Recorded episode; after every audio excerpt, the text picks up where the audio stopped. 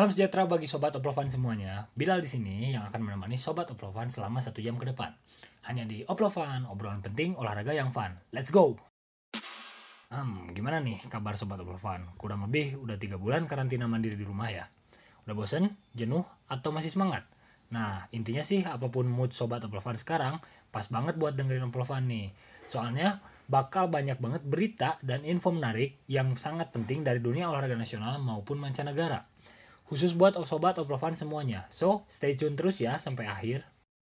Ya, Sobat Oplovan sekalian, sambil santai rebahan di rumah, siap-siap untuk menyimak berita-berita terhangat di dunia olahraga yang telah Oplovan rangkum khusus untuk Sobat Oplovan semua. Let's go, kuy! Sobat Oplovan, siapa yang sudah jenuh dengan social distancing? Kali ini kabar gembira datang dari benua biru. Liga sepak bola kasta tertinggi Jerman atau Bundesliga kembali bergulir. Setelah ditunda selama dua bulan akibat pandemi, Bundesliga kembali digelar dengan mempertandingkan 8 laga pada minggu lalu. Tentunya, Asosiasi Sepak Bola Jerman menentukan protokol yang ketat dalam mengawasi jalannya Bundesliga. Selain pelarangan penonton di stadion, Asosiasi Sepak Bola Jerman juga hanya memperbolehkan tim medis dan para jurnalis untuk ikut turun ke lapangan. Geran Ahmad, pendiri podcast Bundesliga nomor 1 di Indonesia, Spieltag, menjelaskan keuntungan kembalinya Bundesliga di tengah pandemi?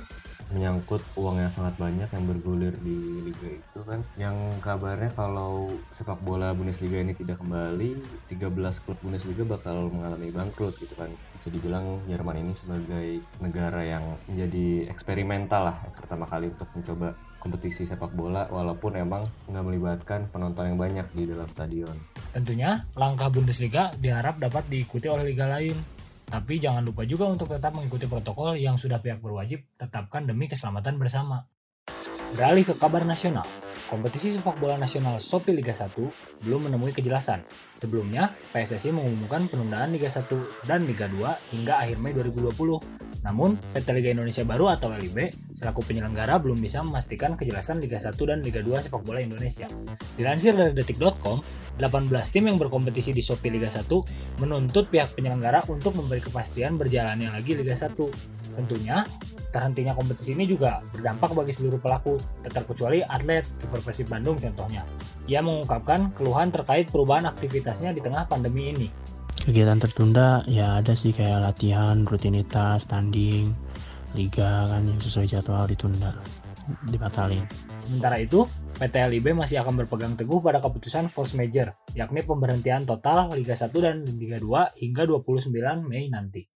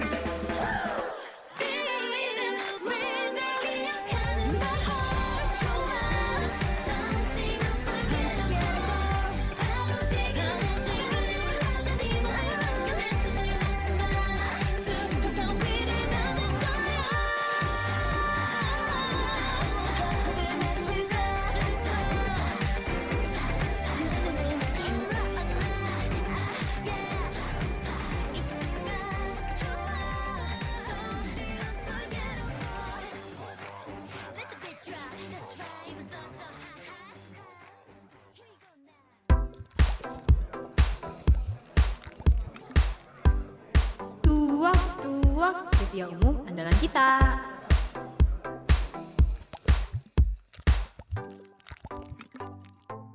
Sobat Oplovan, balik lagi sama saya nih di Tuak, trivia umum andalan kita.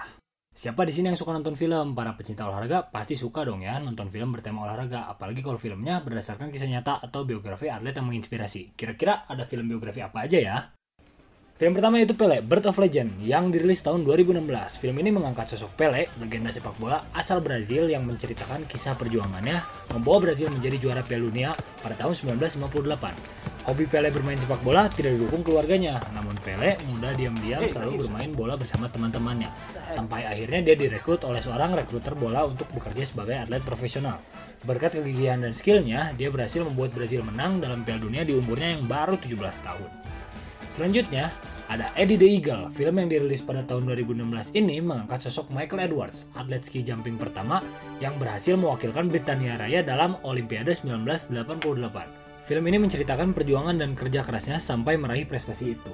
Michael Edwards atau yang bisa dipanggil Eddie selalu diragukan kemampuannya dalam bertanding. Eddie berulang kali mengalami kegagalan dan karirnya tidak didukung oleh ayahnya. Namun Eddie yang pantang menyerah tetap berusaha mewujudkan impiannya berjaya di Olimpiade dengan terus berlatih dan mengikuti berbagai pertandingan. Lalu ada pula film Bleed for This yang dirilis pada tahun 2016. Film ini mengangkat sosok petinju Amerika, Vinny Paz, dan menceritakan kegiatannya dalam merebut kembali kejayaannya setelah nyawanya hampir terenggut. Vinny Paz adalah petinju yang mengikuti berbagai pertandingan pada tahun 80-an. Tak lama setelahnya, dia terlibat dalam kecelakaan fatal yang membuatnya hampir lumpuh.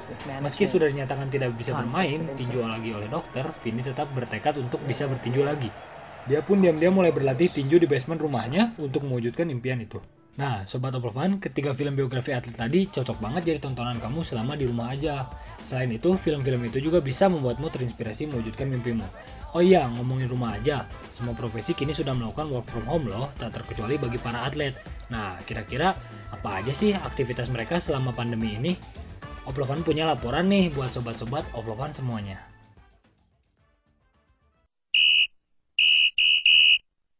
Sobat Oplovan, pandemi COVID-19 ternyata berdampak buruk ke semua bidang profesi. Bahkan ke bidang olahraga, semenjak virus corona ini merebak di dunia, banyak pertandingan olahraga yang terpaksa harus diundur. Ternyata dampak pandemi ini sangat dirasakan para atlet.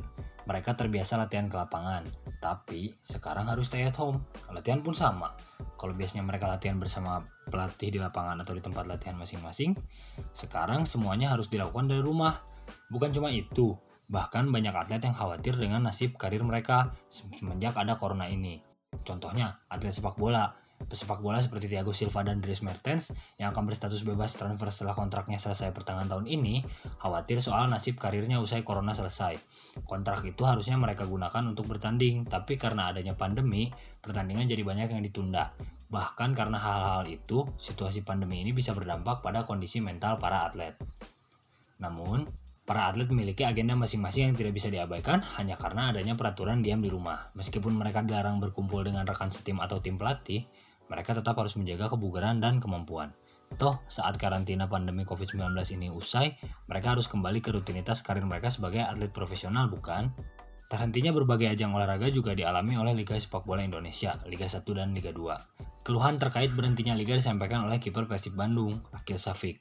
Atlet kelahiran Bandung tersebut menyayangkan terhentinya aktivitas rutinnya di Persib seperti latihan dan pertandingan. Kegiatan tertunda ya ada sih kayak latihan, rutinitas, tanding, liga kan yang sesuai jadwal ditunda, dibatalin. Ia mengakui banyak perubahan dari rutinitasnya. Perubahan yang dirasakan ya kerasa banget sih gara-gara covid ini kayak sedih lihat orang lain kerjanya keganggu diri kita sendiri kerjanya terganggu latihan rutinitas keganggu semua rasa banget di cabur lain yakni bela diri olahraga taekwondo dan kempo juga tertahan aktivitasnya salah satunya adalah violin atlet taekwondo asal Bandung Kondo latihan di GOR menjadi online latihan online di Zoom olahraga di rumah setiap hari bikinan sendiri, rutin olahraga di rumah itu. Begitupun atlet Kempo Dimas Oktadita Nugraha. Kini, para atlet terpaksa melakukan aktivitas masing-masing. Nurman Adi Utama, pelatih tim taekwondo Bandung, menjelaskan pentingnya menjaga ritme latihan di tengah pandemi ini. Bukan berarti sebagai pelatih itu berdiam diri saja untuk tidak untuk memperhatikan anaknya, tetap dilatih dengan cara ya ada online practice gitu ya yang bisa barengan banyakan nonton barengan latihan sekitar lebih dari 20 juga bisa Dimas juga mengaku porsi latihannya berkurang akibat lockdown yang pemerintah anjurkan. kondisi kayak gini cuma olahraga sendiri dan ya untuk mengurangi kalorinya juga susah gitu. Berbagai alternatif dilakukan untuk memenuhi target latihan mereka. Kebanyakan memanfaatkan teknologi yang sudah maju di masa kini. Penggunaan aplikasi online seperti Zoom ini dipraktikkan oleh pelatih Nurman dan juga klubnya sendiri. kebetulan sekarang saya juga kan melatih di kota Bandung Eh, itu ada 36 orang saya latih latih juga gitu kan melalui Zoom Namun, untuk kiper Persib Bandung, Akil Safik, coachnya memang secara khusus sudah memberikan program latihan di rumah untuk dijalankan. Olahraga ya tetap lanjut jika dikasih program latihan dari Persib sama dari Pasos. Para atlet pun kerap berinisiatif melakukan berbagai olahraga di rumah agar skill dan kebugaran mereka tetap terjaga. Hal ini pun dilaksanakan oleh Dimas dan Violin.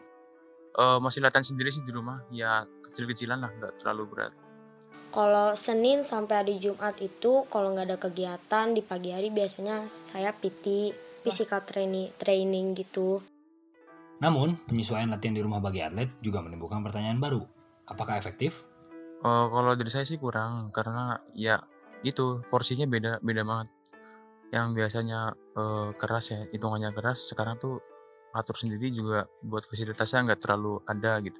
Porsi latihan yang tentunya tidak bisa disamakan dengan sebelum peraturan diam di rumah, mau tidak mau juga muncul khawatiran, apalagi soal performa pasca pandemi selesai, seperti yang disampaikan Dimas. Untuk penyesuaiannya kembali lagi ke awal, sedangkan untuk eventnya nggak tahu nih mau diperpanjang apa enggak gitu. Jadi ya sangat eh, ini sih khawatir lah. Bagi kiper Persib, Akil Safik, kekhawatiran itu tetap harus dibarengi dengan optimisme. Kekhawatiran pasti ada sih ya, tapi skill tuh nggak akan hilang teknik skill. Cuman yang khawatir itu hilang fisik aja sama feel kita dapat feel kita ke bola gitu sama ke lapangan.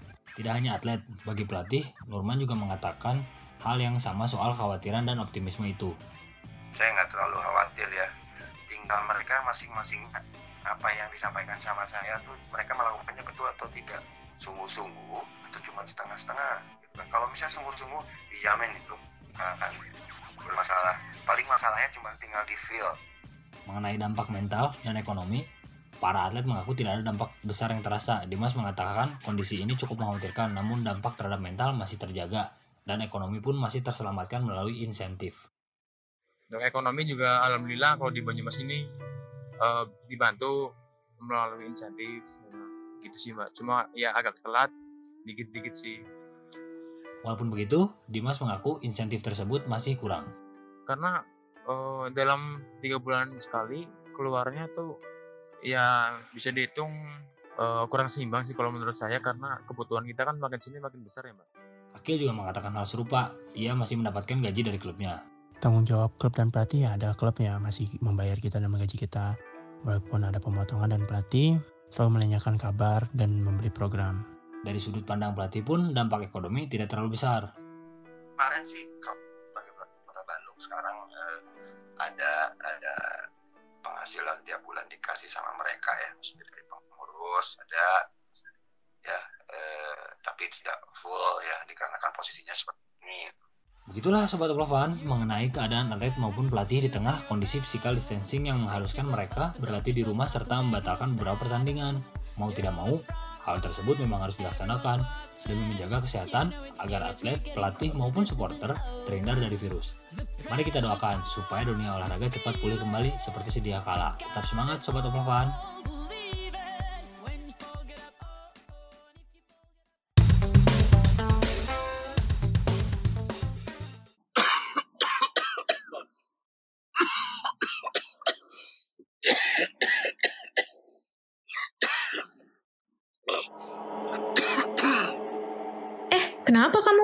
Sakit?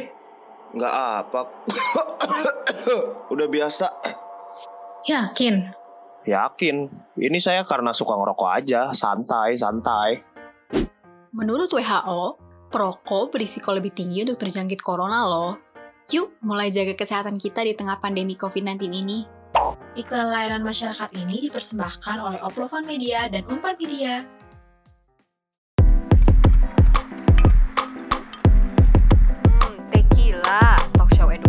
Olahraga.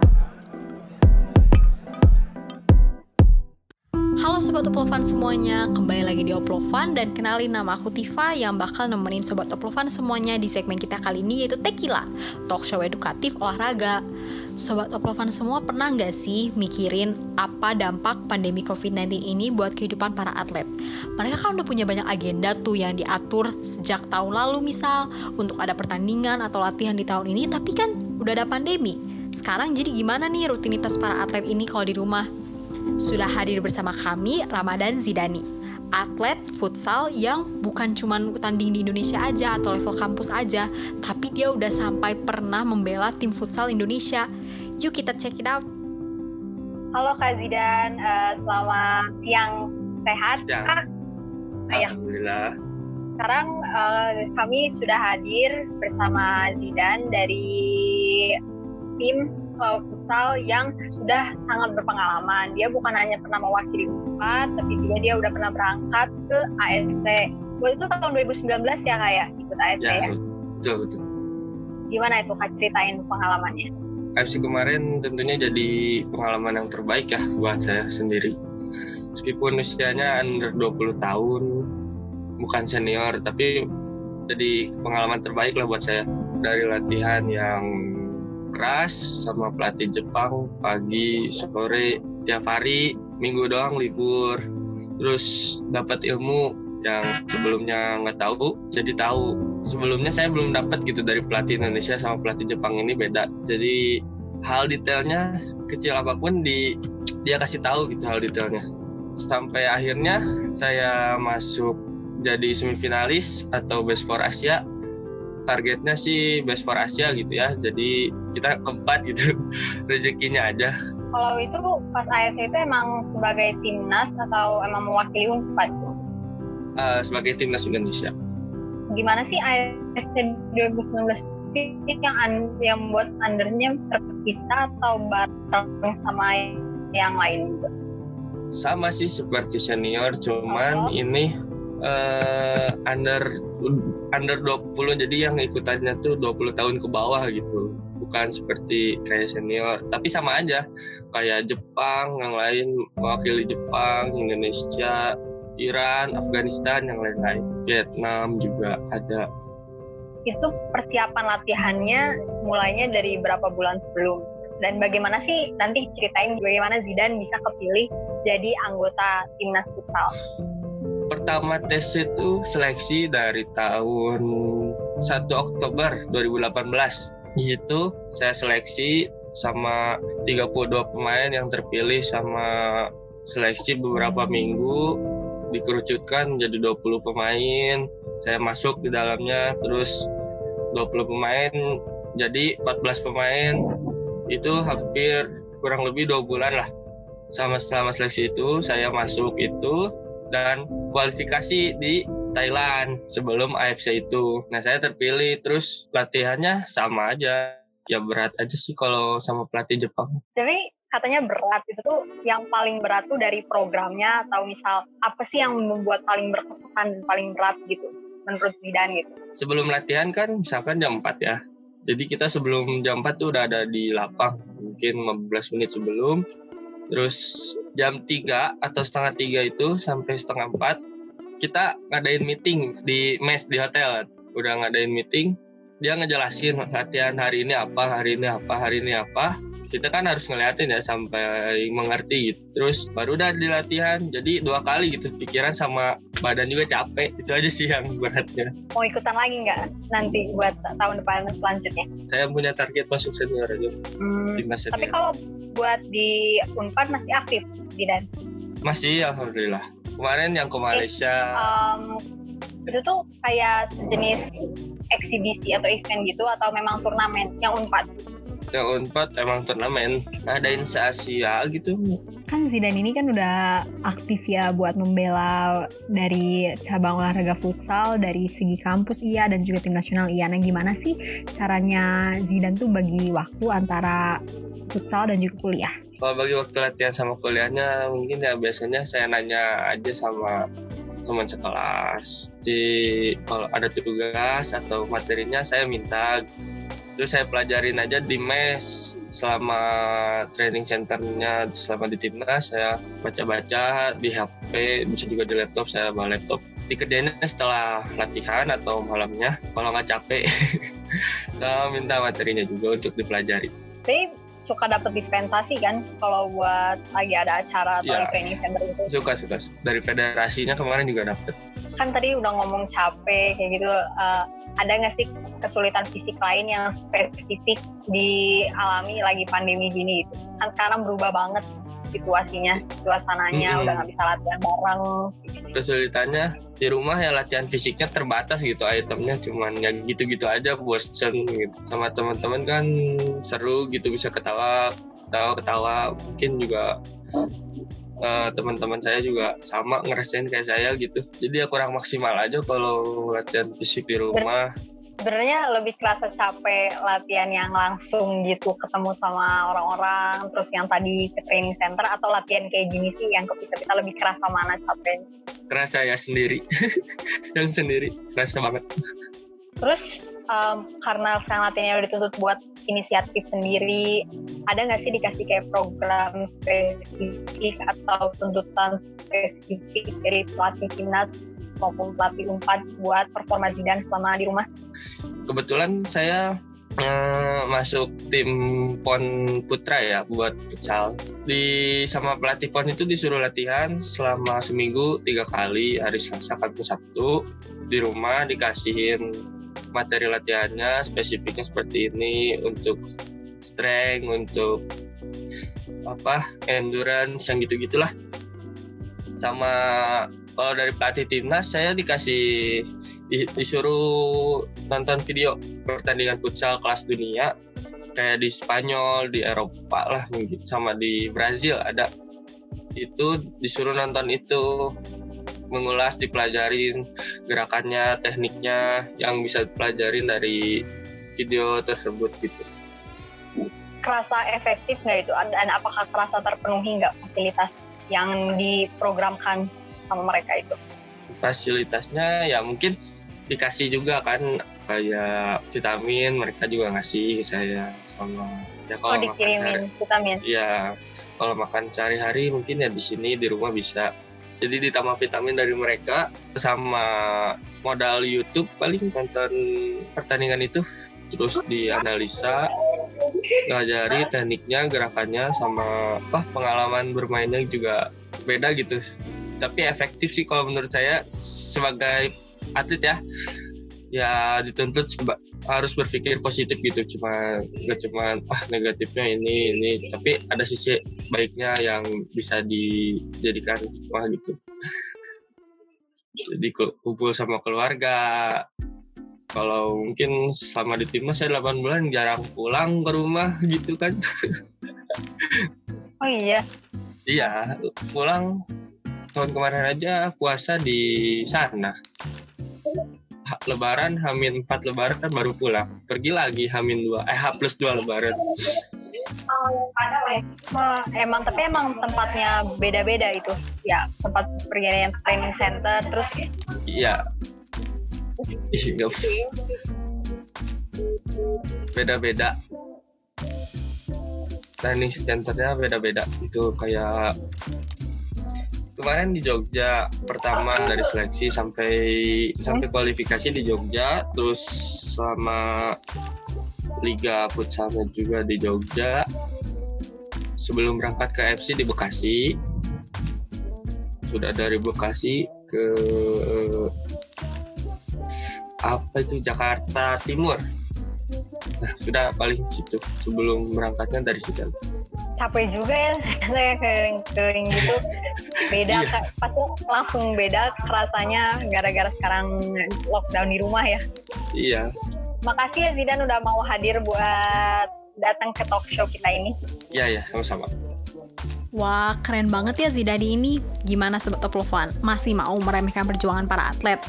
Jangan ke mana-mana karena setelah ini akan ada Tequila sesi 2 loh. Dengan narasumber yang gak kalah menariknya juga dari Kak Zidane ini. Sampai jumpa lagi!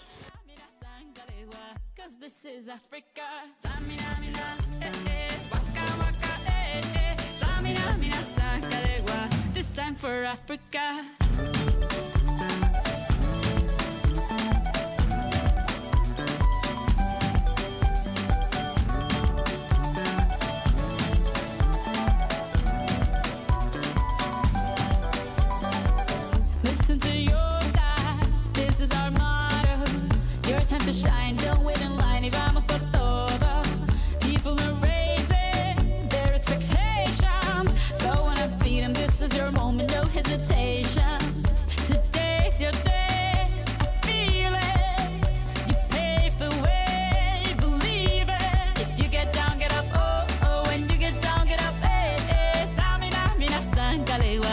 Time for Africa.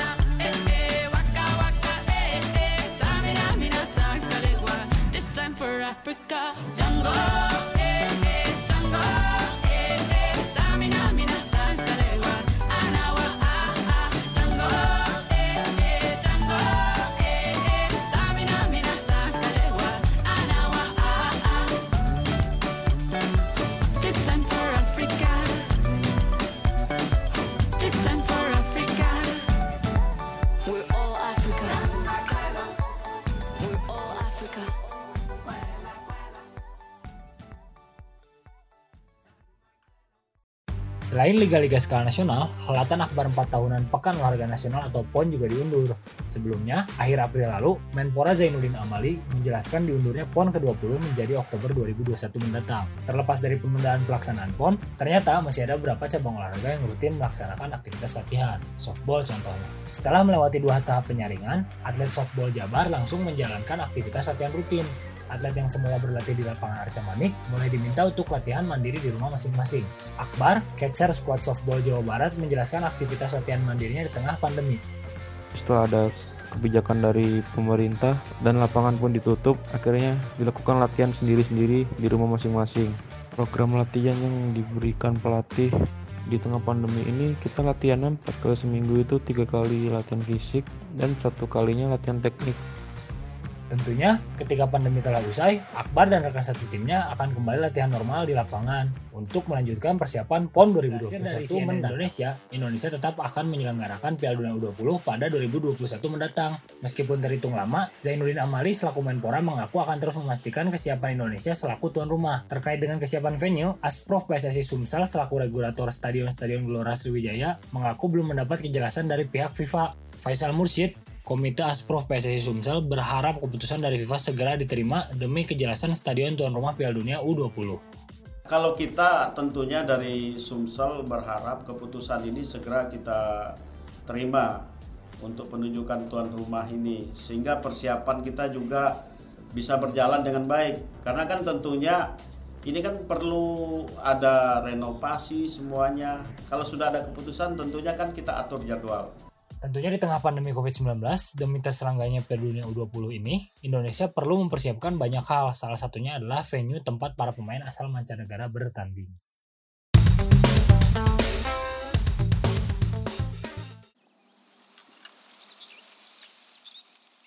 Wah, udah jam 10 nih, waktunya berjemur. Apakah kalian tahu, vitamin D yang dibawa oleh sinar matahari pagi dapat meningkatkan kesehatan tulang dan juga daya tahan tubuh loh.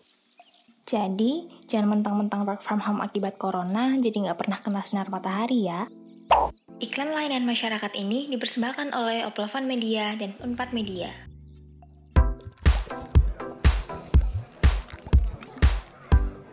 Tuak, tuak, trivia umum andalan kita.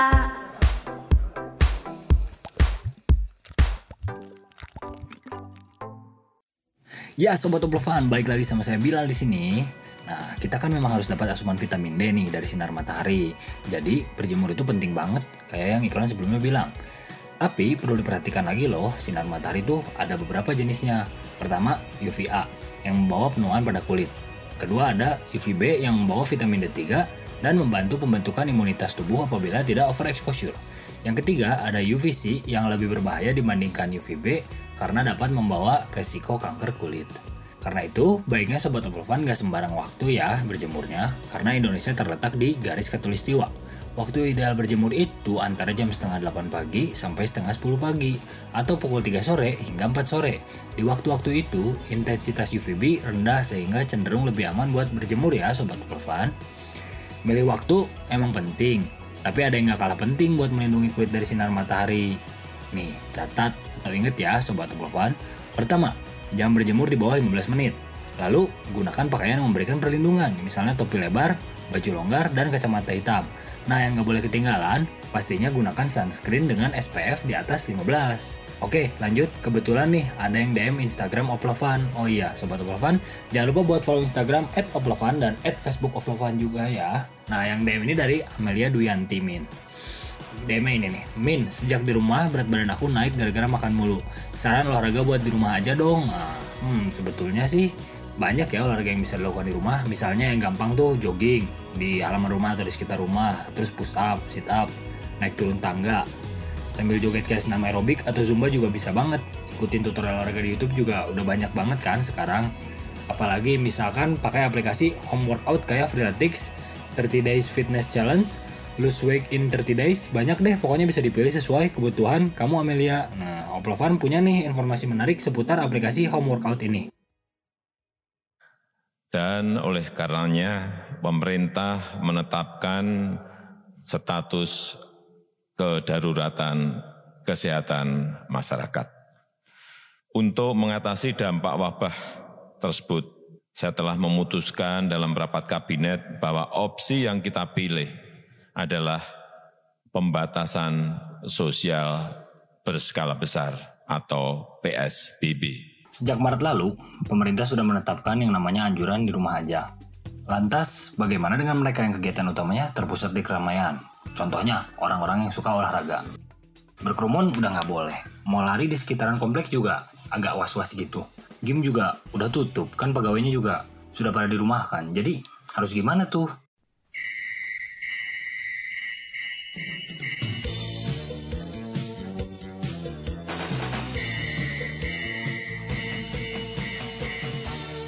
Eits, tenang aja. Kamu tetap bisa olahraga dibantu berbagai aplikasi home workout. Aplikasi ini secara gampangnya membantu penggunanya untuk olahraga dari rumah. Jadi lebih gampang gitu. Beragam aplikasi ini muncul mengikuti perkembangan teknologi dan juga smartphone yang semakin canggih. Aplikasinya juga beragam banget, mulai dari yang untuk membentuk otot hingga mengukur kecepatan atlet. Tapi bicara soal aplikasi home workout selaku asistensi olahraga, apa sih pendapat orang-orang? Apakah aplikasi ini akan membantu kebugaran tubuh di tengah pandemi seperti sekarang? Oplovan menyebar survei ke 50 orang pengguna aplikasi dengan rentang usia yang bervariasi. 50 orang responden survei memiliki tujuan yang berbeda-beda. Tujuan terbanyak adalah menjaga kebugaran dan mengatur berat badan. Bahrul, mahasiswa asal Cirebon, mengaku menggunakan aplikasi Freeletics untuk tetap menjaga ototnya. Saya itu pakai aplikasi namanya Freeletics. Uh, dan tujuan saya pakai aplikasi itu ya jelas untuk melatih otot-otot saya ketika waktu itu lagi rajin-rajinnya olahraga. Maksud sekarang juga masih suka olahraga, cuman sekarang tidak pakai aplikasi gitu, hanya berdasarkan pengetahuan aja yang pernah saya pakai. Sedangkan Melisa, mahasiswa 21 tahun ini mengaku menggunakan aplikasi bernama Nike Training Club karena ada personal plan yang sesuai dengan kondisi tubuhnya. Bedanya dengan Bahrul, ia tak pernah pergi ke gym untuk menjaga tubuhnya. Kisah yang mirip dengan Melisa diceritakan oleh Farisa, mahasiswa kedokteran Unpad. Ia mengaku menggunakan aplikasi home workout untuk memonitor trainingnya. Sebelumnya ia tidak pernah pergi, pergi ke gym, namun rutin mengikuti klub lari. Tujuan utamanya adalah untuk monitoring progres training aku. Kalau pakai aplikasi, aku bisa lihat aktivitas aku hasilnya gimana tiap kali latihan, yang akhirnya akan menjadi bahan evaluasi untuk diri aku sendiri. Terakhir nih yang unik, dari mahasiswa yang tidak rutin ke gym, walaupun memang ingin berolahraga, Rafida, mahasiswa Poltekkes Semarang ini mengaku pada mulanya hanya iseng saja menggunakan aplikasi home workout. Jadi tujuan aku pakai aplikasi itu sebenarnya ya buat nyontohin gerakan olahraga aja gitulah. Aku tuh iseng-iseng sebenarnya. Soalnya itu aplikasi bawaan dari HP ya. Nah, tapi tentu tiap-tiap aplikasi juga punya plus dan minusnya. Aplikasi yang digunakan Rafida contohnya. Aplikasi bawaan Samsung itu perlu kuota untuk mendownload tutorialnya. Atau aplikasi Freeletics-nya Bahrul, yang kata dia itu terlalu berat bagi pemula. Atau yang paling sedih, aplikasi yang justru berbayar untuk menggunakan jasanya. Untuk nilai negatifnya, menurut aku fitur berbayar. Jadi contohnya nih Strava, kalau misalkan kita mau bikin goals dan training plan di aplikasi tersebut, kita harus upgrade dulu ke akun premium.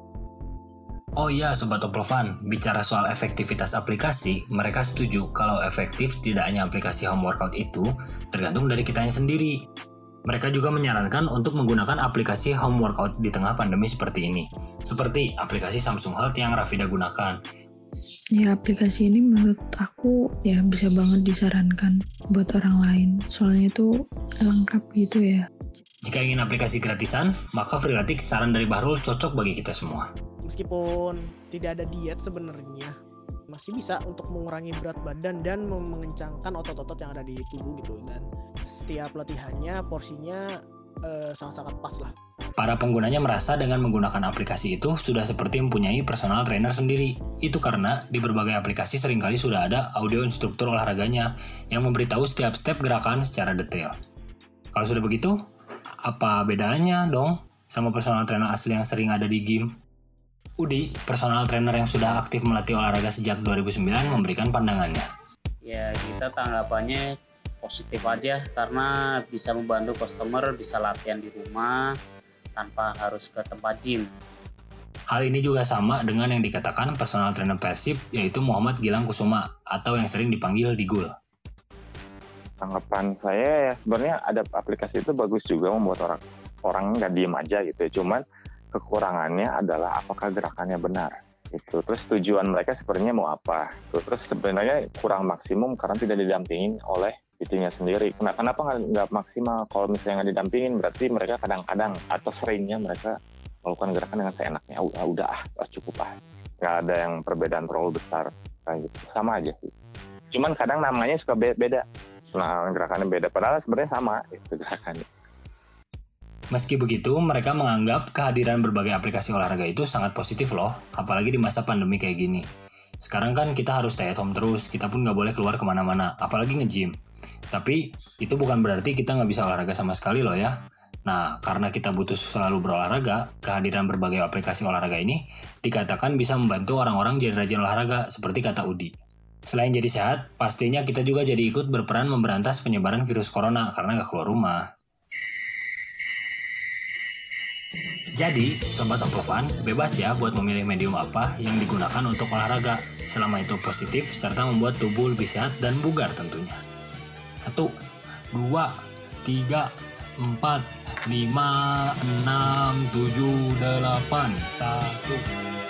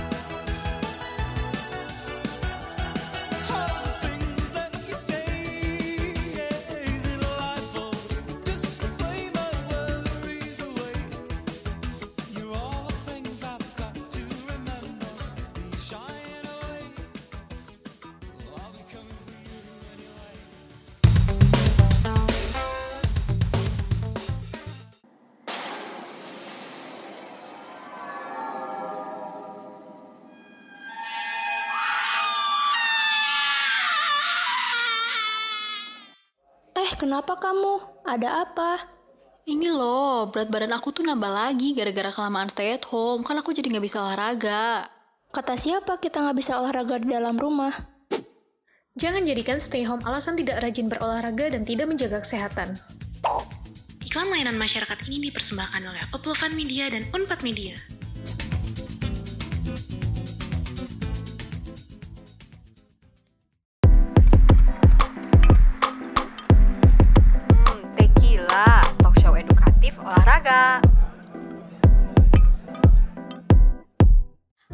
Uplovan semuanya, baik lagi sama aku Tifa di Tequila, talk show edukatif olahraga.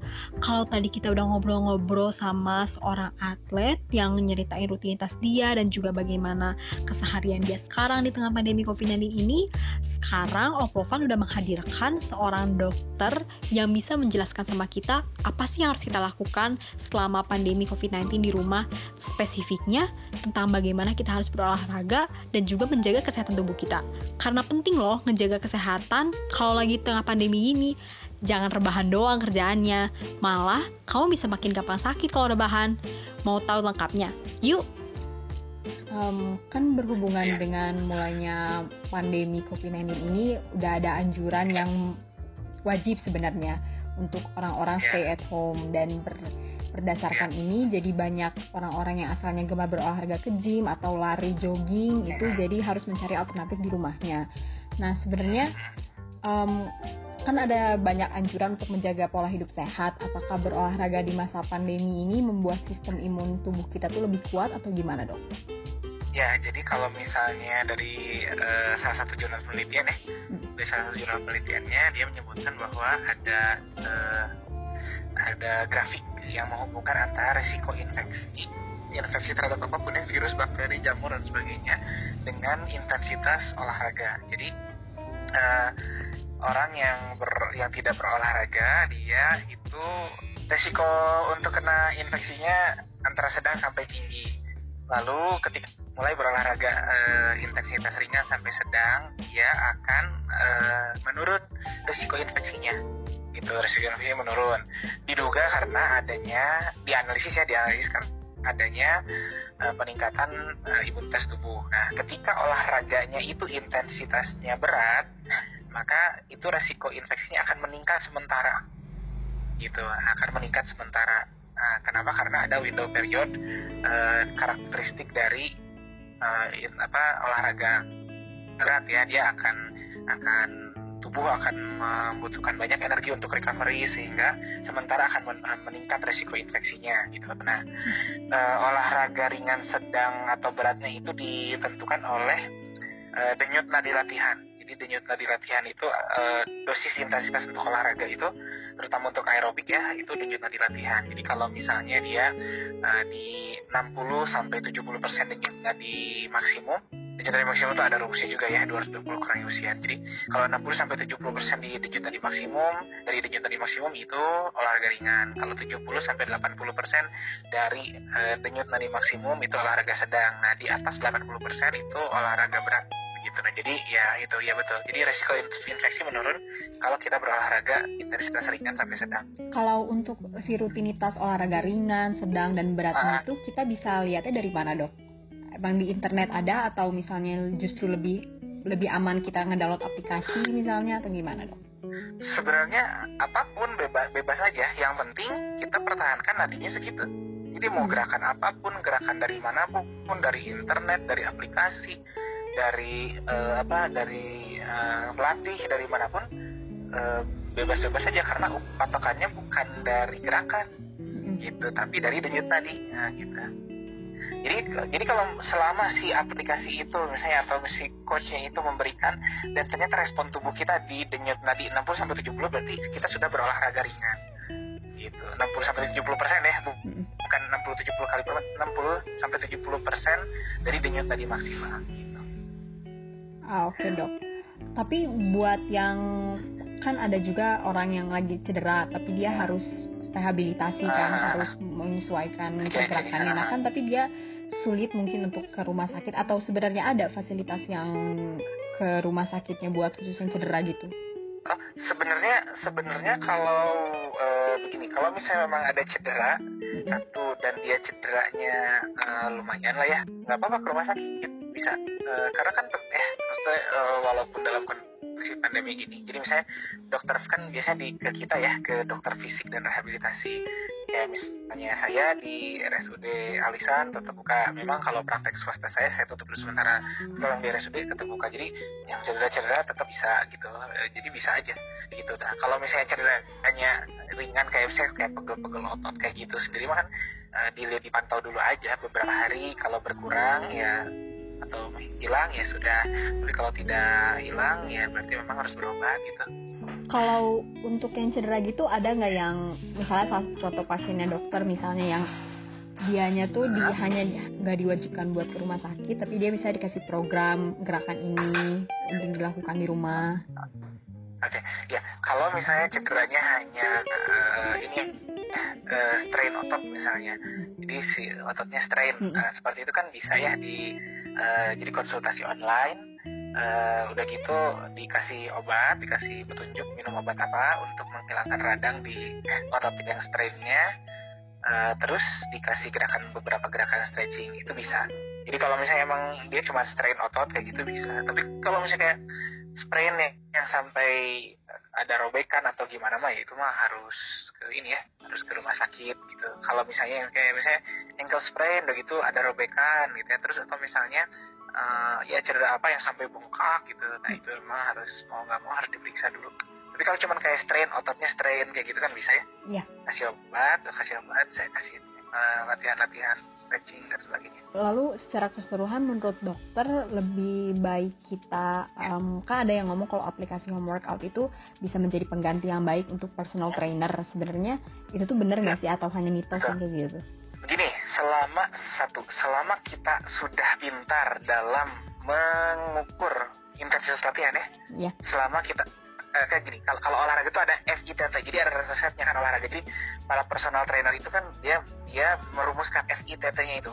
Frekuensi intensity time-nya berapa menit type-nya berapa menit. Nah selama kita paham eh, tentang itu eh, jadi misalnya dengan gerakan itu kita bisa mengukur eh, untuk intensitasnya denyut tadi kita di sekian masalah. Jadi asalkan kita high untuk itu. Mengukur nadi di tengah latihan kita bisa gitu ya. Terus menghitung nadi latihannya juga kita bisa. Jadi 60 persennya berapa. Nah kenapa pas diukur? Misalnya contohnya gini kita ikut gerakan di aplikasi ya. Pas diukur ternyata em, nadi kita ada di atas 80 persen. Nah berarti kan kalau gitu kita harus kurangi. Misalnya repetisinya kita kurangi kecepatannya kita kurangi atau Makanya tetap sama kayak di aplikasi, tapi kecepatannya bisa dikurangi atau eh, eh, repetisinya bisa dikurangi. Dengan syarat kita lihat kita sudah bisa kita bisa eh, melatih diri untuk mengukur intensitas, mengukur denyut nadi, eh, terus sebelum latihan kita hitung dulu denyut nadi maksimal kita berapa, terus persentase denyut nadi yang akan ditargetnya berapa persen. Denyut nadi dari denyut nadi maksimal gitu. Jadi seben- sebenarnya ol- olahraga itu gak repot asal kita bisa menghitungnya ya dok, menghitung potensi tubuh kita betul. sendiri. betul betul betul jadi jadi jadi kalau kalau saya sih saya sih menghimbau gitu ya kepada kepada semua ya apa yang suka kita lah olah, eh, atlet rekreasional gitu yang suka olahraga di rumah atau suka olahraga eh, di di lingkungan kita harus betul-betul pandai menghitung denyut nadi kita harus bisa betul menghitung denyut nadi kalau kita nggak punya jam yang bisa mengukur denyut nadi ya karena kan ya kalau yang punya sih tinggal lihat aja nadinya berapa gitu Berhubung dengan pandemi ini kan tadi olahraga udah dibahas tuntas mengenai idealnya olahraga buat kita tuh bagaimana. Nah selain olahraga, apa sih asupan gizi yang paling disarankan di tengah pandemi ini?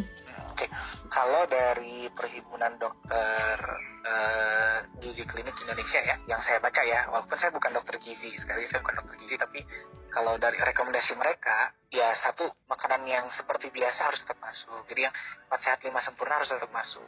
Satu, yang kedua eh, ada tambahannya, tambahannya adalah vitamin C, eh, boleh di kurang lebih 1000 mg, ya. Terus vitamin D itu mul- eh, ya boleh 400 sampai 1000 international unit, ada ukurannya gitu ya. Terus sama zinc, zinc itu eh, kalau tidak salah kalau tidak salah ya 10 sampai 50 mg boleh. Eh, saya, saya nggak tahu 10 sampai 25 ya, pokoknya sekitar 10-20 mg lah zinc gitu. Nah, tiga itu aja eh, selain makanan yang biasa kita konsumsi. Kalau berhubungan dengan pola olahraga seseorang yang beda-beda, apakah otomatis asupan gizi yang diperlukan juga berbeda? Eh, ya kalau kalau sebetulnya gini eh, intinya adalah kalau kalau tentang gizi olahraga ya kalau gizi olahraga memang harusnya dihitung harusnya dihitung terusnya tapi intinya adalah gini selama eh, kita bisa makan 4 sehat 5 sempurna itu sudah cukup rata-rata untuk olahraga ringan sedang untuk sehari-hari. Nah gitu itu aja. Jadi sebenarnya nggak nggak meskipun harus dihitung, sebenarnya nggak usah terlalu dipikirkan ya makan aja seperti biasa ya dok ya. Ya, jadi memang kalau kalau memang si olahraganya kan kita nggak kayak atlet ya, kecuali kalau Hmm. atlet. Kalau atlet no, eh, kayak saya misalnya saya menangani atlet, saya tetap hitung untuk dehidrasinya berapa liter gitu ya, untuk karbohidratnya berapa ini, ini tetap itu. Kalau kalau kita mah kan bukan atlet. Itu kalau misalnya yang bukan atlet mah ya empat sehat lima sempurna untuk ukuran olahraga non rekreasional mah cukup lah. Oke dok. Em, pertanyaan terakhir nih dok. Tips and trick siap. dari dokter sebagai yang ahli untuk rehabilitasi fisik yang ber- yang tadi udah memberikan anjuran mengenai olahraga ideal untuk menjaga kesehatan di tengah pandemi ini gimana dok? Gini, jadi eh, intinya adalah eh, olahraga yang baik adalah olahraga yang seperti apa? Yang dilaksanakan. Jadi olahraga yang cocok buat kita itu adalah olahraga yang dilaksanakan. Kayak gitu. Eh, kadang kita nanya, mikir, banyak mikir. Oh ini olahraganya harus kayak gimana, harus kayak gimana. Sampai ya akhirnya karena banyak pikir jadi nggak olahraga. Yang penting adalah yang mampu laksana gitu. Mampu laksana misalnya ada sepeda statis ya sudah sepeda statis saja.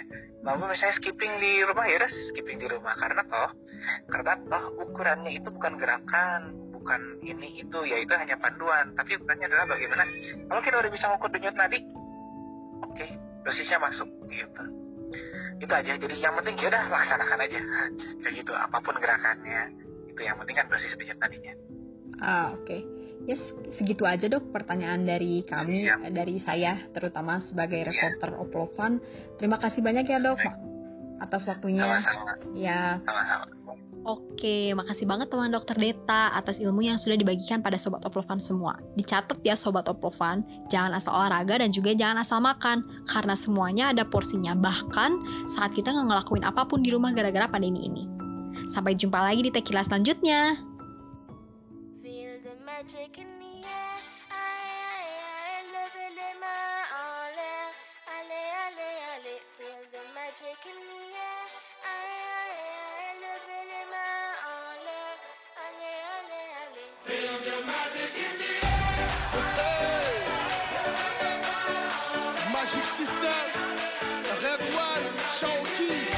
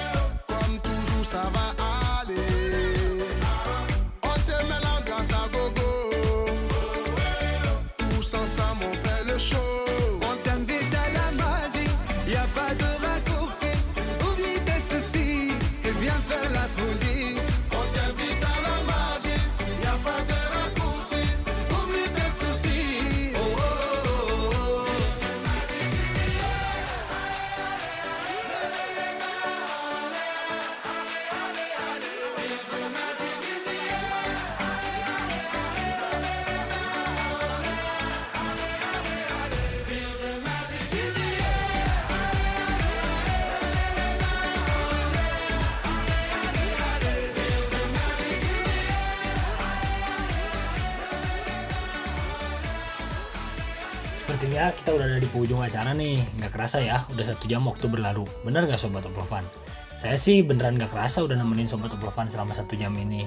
Walaupun waktu cepat berlalu, tapi jangan sedih ya Sobat Oplovan.